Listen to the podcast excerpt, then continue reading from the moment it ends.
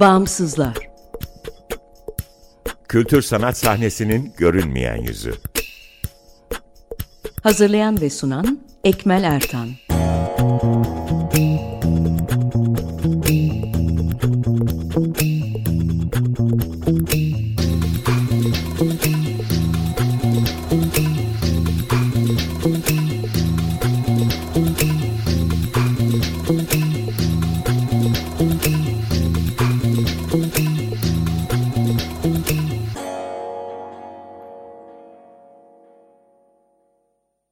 Merhaba, Açık Dergi içerisinde yer alan Bağımsızlara hoş geldiniz. Bağımsızlar, Türkiye'de devlet veya özel sermaye sahipliğinde veya güdümünde olmayan, bağımsız kültür sanat alanının çeşitliliğini ve ölçeğini görünür kılmayı, güncel ve dinamik bir bilgi kaynağı oluşturmayı, bağımsızlar arasında dayanışma ve işbirliklerine zemin hazırlamayı hedefleyen web tabanlı bir platform. Açık Radyo Açık Dergi'nin yanı sıra bağımsızları bağımsızlar.org web adresinde İngilizce yazılışıyla bagimsizler.org bulabilir. Info at bağımsızlar.org adresinden iletişime geçebilir ve Instagram'da bağımsızlar.org'dan takip edebilirsiniz. Ben Ekmel Artan, Bağımsızlar ekibi ile birlikte bu programı hazırlayıp sunuyorum. Bu haftaki program e, Sarp Keskiner tarafından hazırlandı. Sarp, Seferihisar'da e, Seferi Keçi'den Baha Okar'la konuştu. Program Bergamalı şair Halim Yazıcı'nın 21 Mart'ta genel yayın yönetmeni olduğu Caz Kedisi dergisinin Arts Map mikro destek programı kapsamında düzenlediği ekolojik bir festivalin nasıl mümkün olabileceğini konu alan bir arama toplantısı kapsamında Seferi Keçi Kültür Evi ve Kooperatif Bakkalı'nda gerçekleştirdiği şiir okumasıyla açılıyor. Yazıcının performansını Sarp Keskiner'in müzikleri Baha Okar'ın konuşmasına bağlıyor. Dinliyoruz zeytinime suyuma dokunma diye bir burada bir baş yazı bir metin gördüm derginizde. Seferi Keçi dergisinde. Yani e, çok hoşuma gitti. Sanki biliyormuşçasına Sarp'a söylemiştim. E, ya içimden dedim zeytin şiirleri okumak geliyor içimden dedim. E, Çizme Zeytin adını verdiğim bir kitap vardı. Küçük bir kitabım zeytine, zeytin ağacına ya da zeytinyağı adanmış şiirler değil. Benim çocukluğum Bergama'nın bir köyünde Zeytin Dağı'da Çandarlı Ovası'nda falan geçti. Orada zeytin ağaçlarının altında çocukluğum, gençliğim geçti.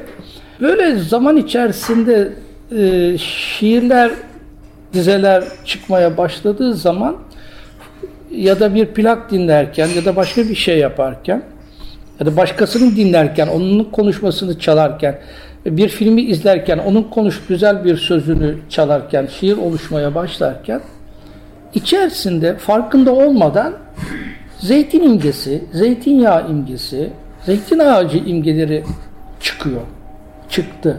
Bilinçli olarak bir tercihim değil. Hadi oturayım da bir zeytine bir şiir yazayım. Yok öyle bir şey.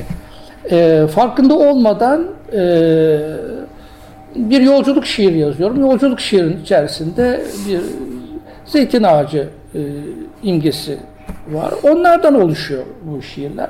Sonra aklıma geldi ben bu şiirleri toplayayım da bari derli toplu o zamana kadar yazdığım şiirlerin içerisinde içinde zeytin ağacı, zeytinyağı imgesi olanları bir kenara toplayayım. Derli toplu bir yerlerde bulunsun dediğim şiirler bunlar.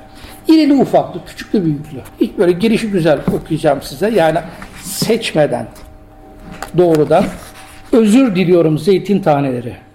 Sizden özür diliyorum zeytin taneleri.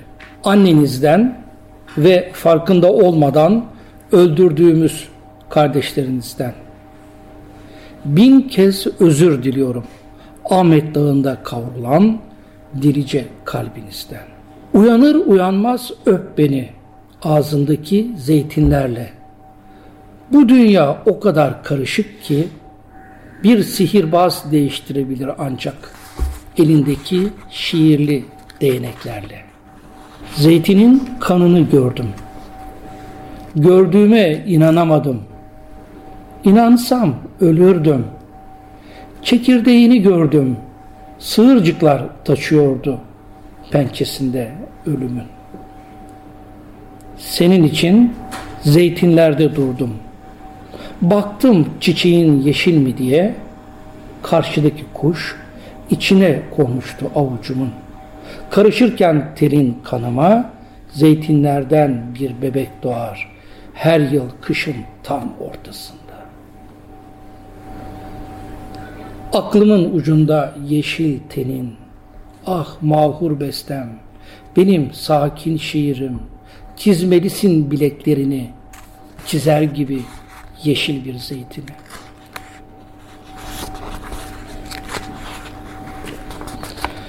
Sığırcıklar uçuşuyor sen güldüğünde. Sen gül hep emi. Yuvasını arıyor çocuk kuş. Kaybetmiş bütün gemilerini. Gül koy alt, alnına zeytinlerden. Mor dikenlerini içiyorum dünyanın. Bir zeytini içer gibi sessizce. Sen koynumdasın bu gece. Sesin uçurtmam, bileğime bağlarım.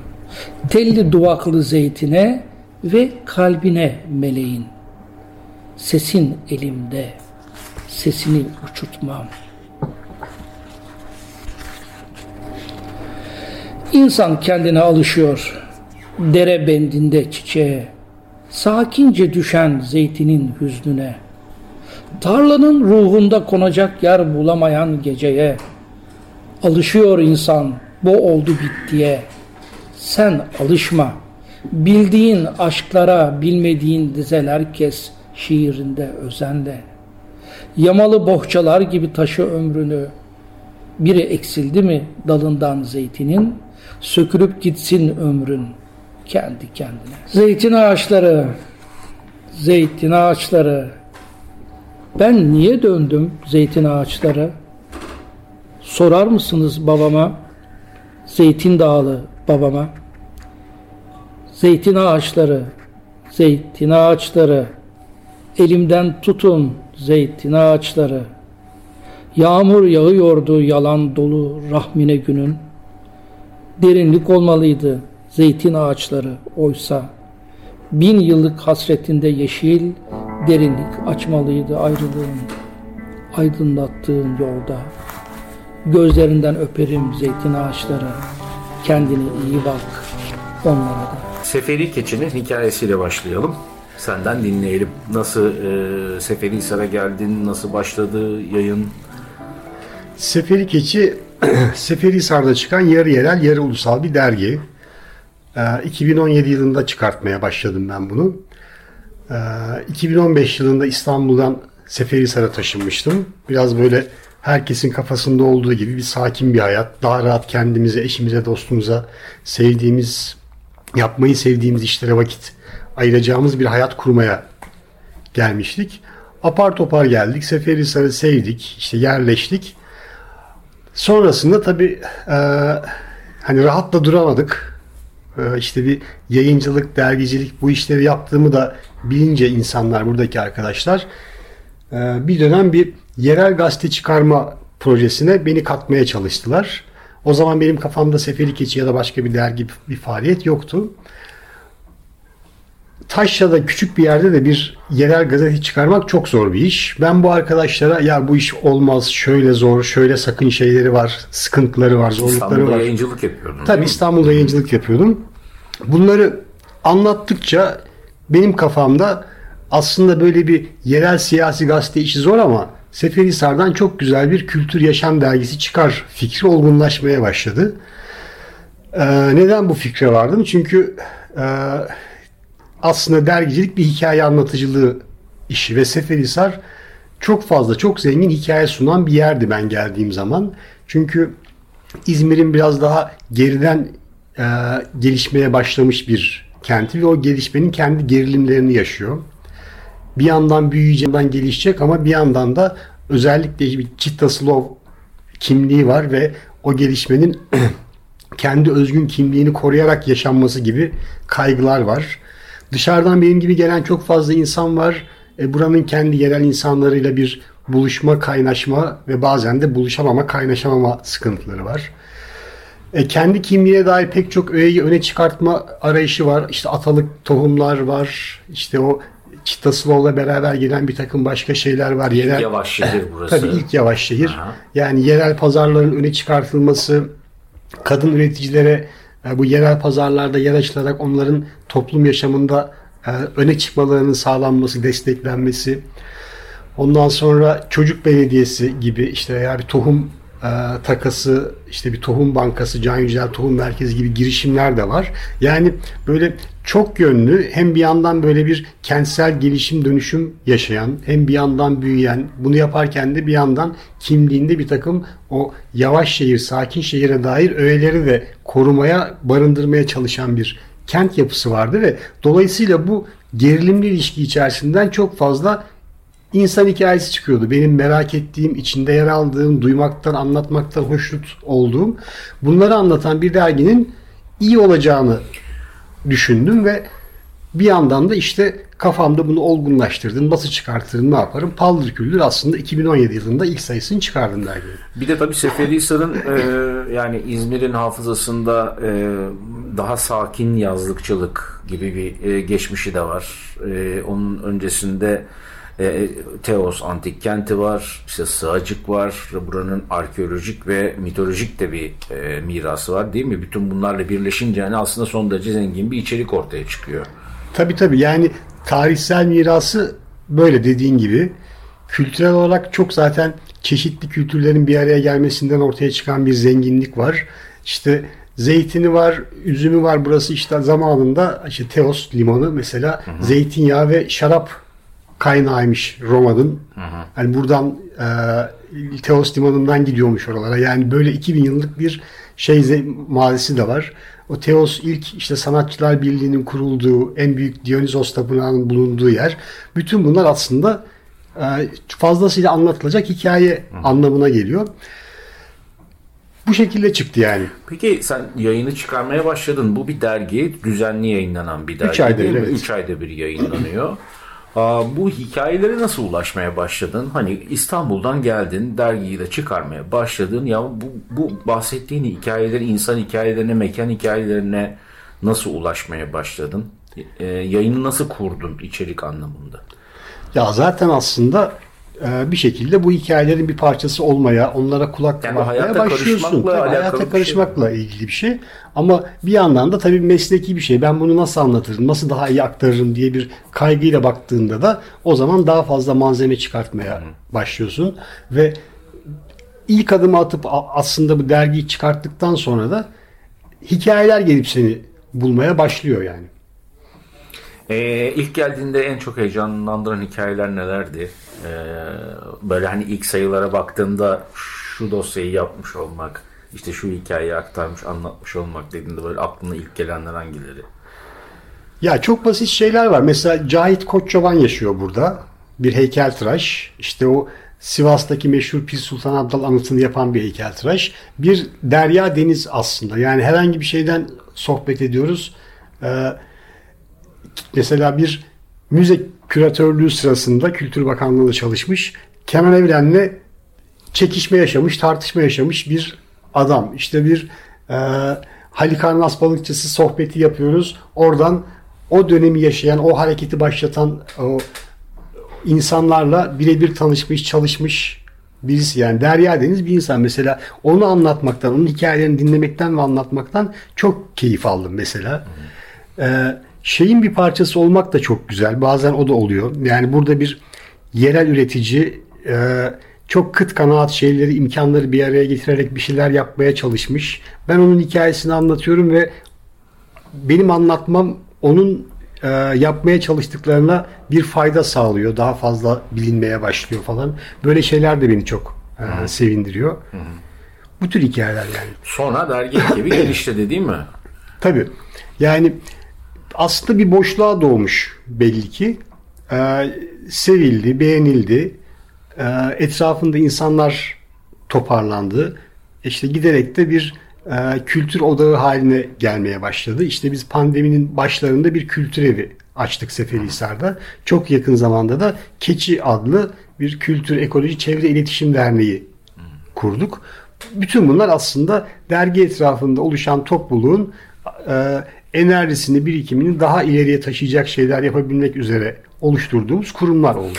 Peki bazen bir dönem şeyden bahsediyordun. Oraya varabildin mi? Yani Seferihisar'ın periferisine de e, temas etsin dergi. Sadece bir tür hani ilçeyi merkez alan bir yayın olmaktan çıksın. İşte buradan Selçuk'a da uzanabilsin, Bergama'ya da uzanabilsin ya da Kiraz'a Beyda, Ödemiş'e de bakabilsin gibi.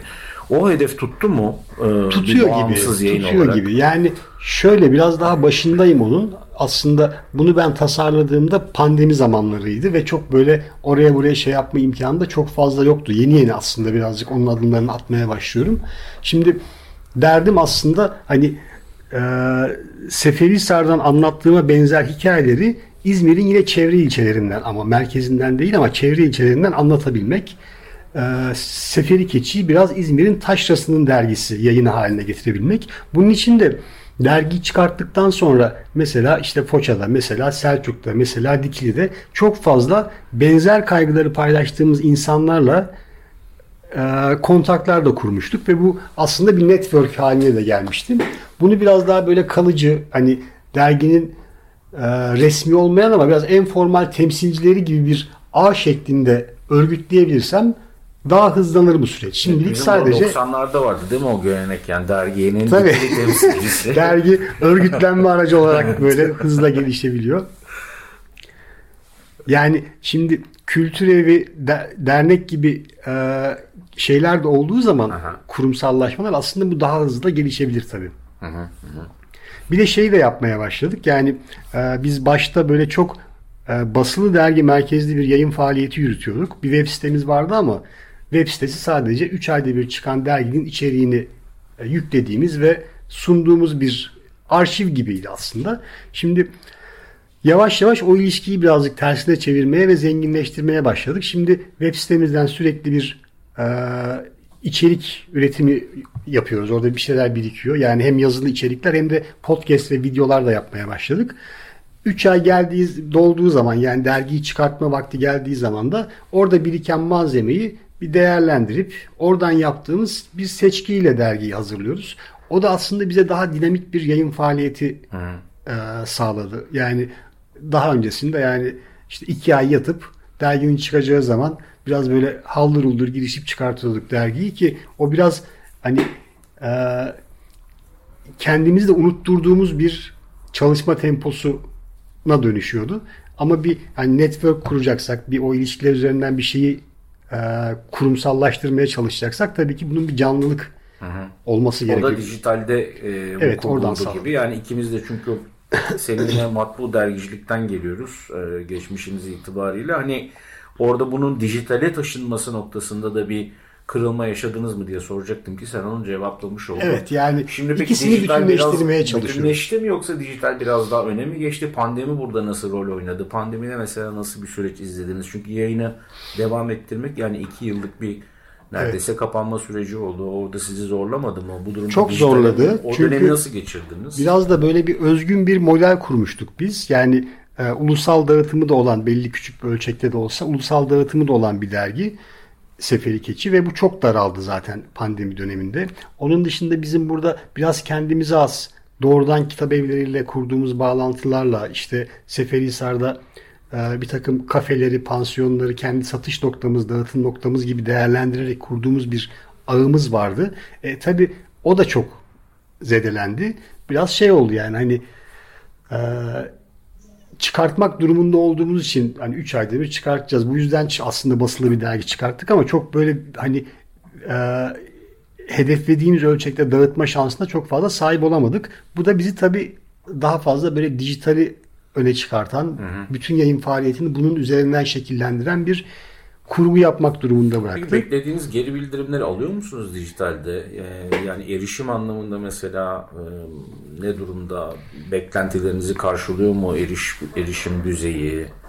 Ya beklentimiz çok fazla tabii. Yani hani ona ulaşmamıza daha var ama aslında biraz da biz biraz geç girdik bu işe. Yani ee, yaş itibariyle de bizim önümüze biraz bu dijital medya sonradan düştü. Yani kendimizi ona adapte etmeye çalışıyoruz aslında. Ve hani daha bu dünyayı bilen insanların değerlendirmelerine de bakarsak aslında fena gitmiyoruz. Yani hı hı. geri dönüşlerimiz iyi, erişimlerimiz iyi. Hı hı. Ama yani bir böyle sürekli bir şey üretmek, sürekli oradan bir şey paylaşmak, sürekli bir şey yayınlamak durumundayız. Kendimizi öyle bir çalışma tarzına yine kendimize özgü bir şekilde tabii adapte etmeye çalışıyoruz. Öyle hani hallur uldur böyle bir şeyin içerisinde koşturmacanın içerisinde bir yayıncılık yapmak da istemiyoruz ama birazcık o dijital dünyanın gerektirdiği tempoya da kendimizi uyarlamamız lazım. Hı hı. Peki e, bağımsızlığınızı sürdürebilme noktası, varlığınızı koruyabilme, e, kendi kendinizi e, var kılabilme e, hakkında ne söyleyebilirsin? Bununla ilgili nasıl, ne tür araçlar kullanıyorsunuz? Yani evet şimdi mesela hani kültür evi ve bakkal var. Dediğin gibi e, dijitale e, doğru yönelmişsiniz. Hani bundan sonrası için e, Seferi Keçi'yi bir bütün olarak düşünürsek tüm e, üniteleriyle beraber devam ettirmekle ilgili nasıl bir yol haritası var?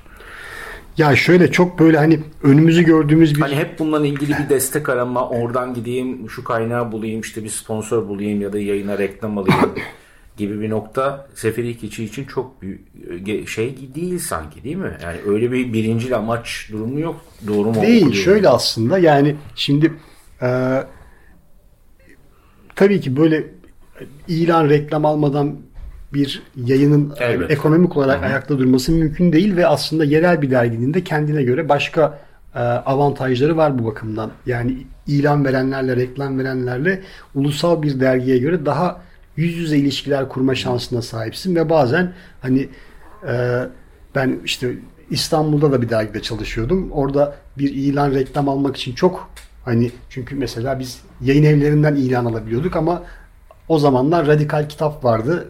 Bir yayın evi bir kitabın ilanını vereceğiniz zaman ilk hakkını orası geliyordu yani.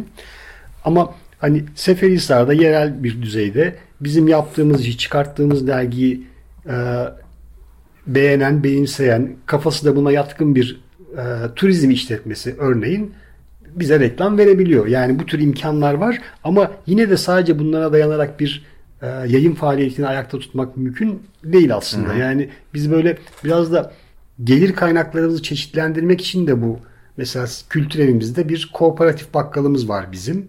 Sadece kooperatiflerin ve yerel üreticilerin ürünlerini biz orada satıyoruz. E-ticaretle yapıyoruz. Bu aslında aynı zamanda bizim için bir yan gelir kaynağı.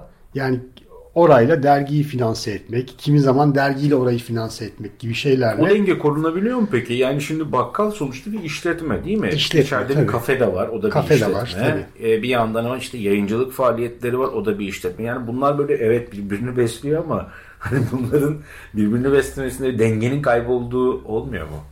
Oluyor batarsak hepsinden çok çok haldır küldür batarız ama şu anda şey birbirini besliyorlar yani. Aha. Hani bunların hepsi de bizim için hani e, bir anlayışımız var, dünyaya bir bakışımız var.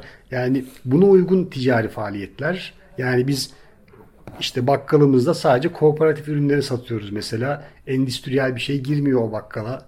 Yani sattığımız ürünler aynı zamanda e, hani bizim tüketicimiz aynı zamanda işte bizim dergiyi çıkarttığımız fikri zemini de şey yapan insanlar ve hani onlara bir ürünü gönül rahatlığıyla sunabiliyoruz. Dolayısıyla böyle birbirini şey yapan, birbirine aykırı olmayan, birbirinin altını boşaltmayan, dinamitlemeyen bir ticari faaliyet şeyi içerisinde gelir kaynaklarımızı çeşitlendirmek durumundayız yani. Çünkü bu e, özellikle bağımsız kültür sanat girişimlerinin bu sıralar çok e, konuştuğu bir konu. E, özellikle mekan sahibi olan kültür sanat girişimleri e, için bunu söylemek mümkün. Yani e, tüzel kişiliği olmayan, işte bir kolektif gibi davranan, varlığını o şekilde sürdürmeye çalışan o mekanı devam ettirebilmekle ilgili e, mikroekonomik modellerin ne olabileceğini vızır vızır herkes Evet. konuşuyor. O yüzden aslında siz bir şekilde bunu kurmuşsunuz. Bu bir örnek olabilir diye özellikle bunları sormak istedim. Tamam bundan sonrası için neler var? İşte bizim için şey yeni bir dönüşüm. Bu dijital alanda yaptığımız şeyler ve bunları bir geliştirmek istiyoruz. Bunları geliştirmenin aslında bizim açımızdan da hani kültür evini besleyen, dernekte yürüteceğimiz faaliyetleri destekleyen, onun dışında bu kooperatif bakkalımızda şey yapan katkısı olan yani bizim yaptığımız bu çeşitli faaliyetlerin aslında hep birbirini destekleyen tarafları var. Şu anda da bizim önümüzde aslında bu dijital yayıncılıkta bir böyle şey yapmak hani Hamle yapmak. hamle yapmak. Orada yapabildiklerimizi daha iyi yapmak, hiç el atmadığımız alanlarda bir takım şeyler üretmeye başlamak gibi bir adım var. Daha uzağa dair de bir plan yapsak aslında şey olacak, afaki olacak yani.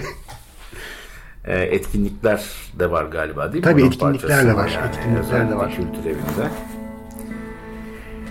Evet çok teşekkür ediyoruz. Ben teşekkür ederim. Bu akşam Bağımsızlarla Konuşmalar serisinde Vaha Okar'dan Seferi Keçi'yi dinlediniz. Konuşmayı Sarp Keskiner yönetti. Girişinde Bergamalı şair Halim Yazıcı'nın şiirini ve Sarp'ın müziklerini dinlediniz. Herkese iyi akşamlar, teşekkürler. Haftaya görüşmek üzere.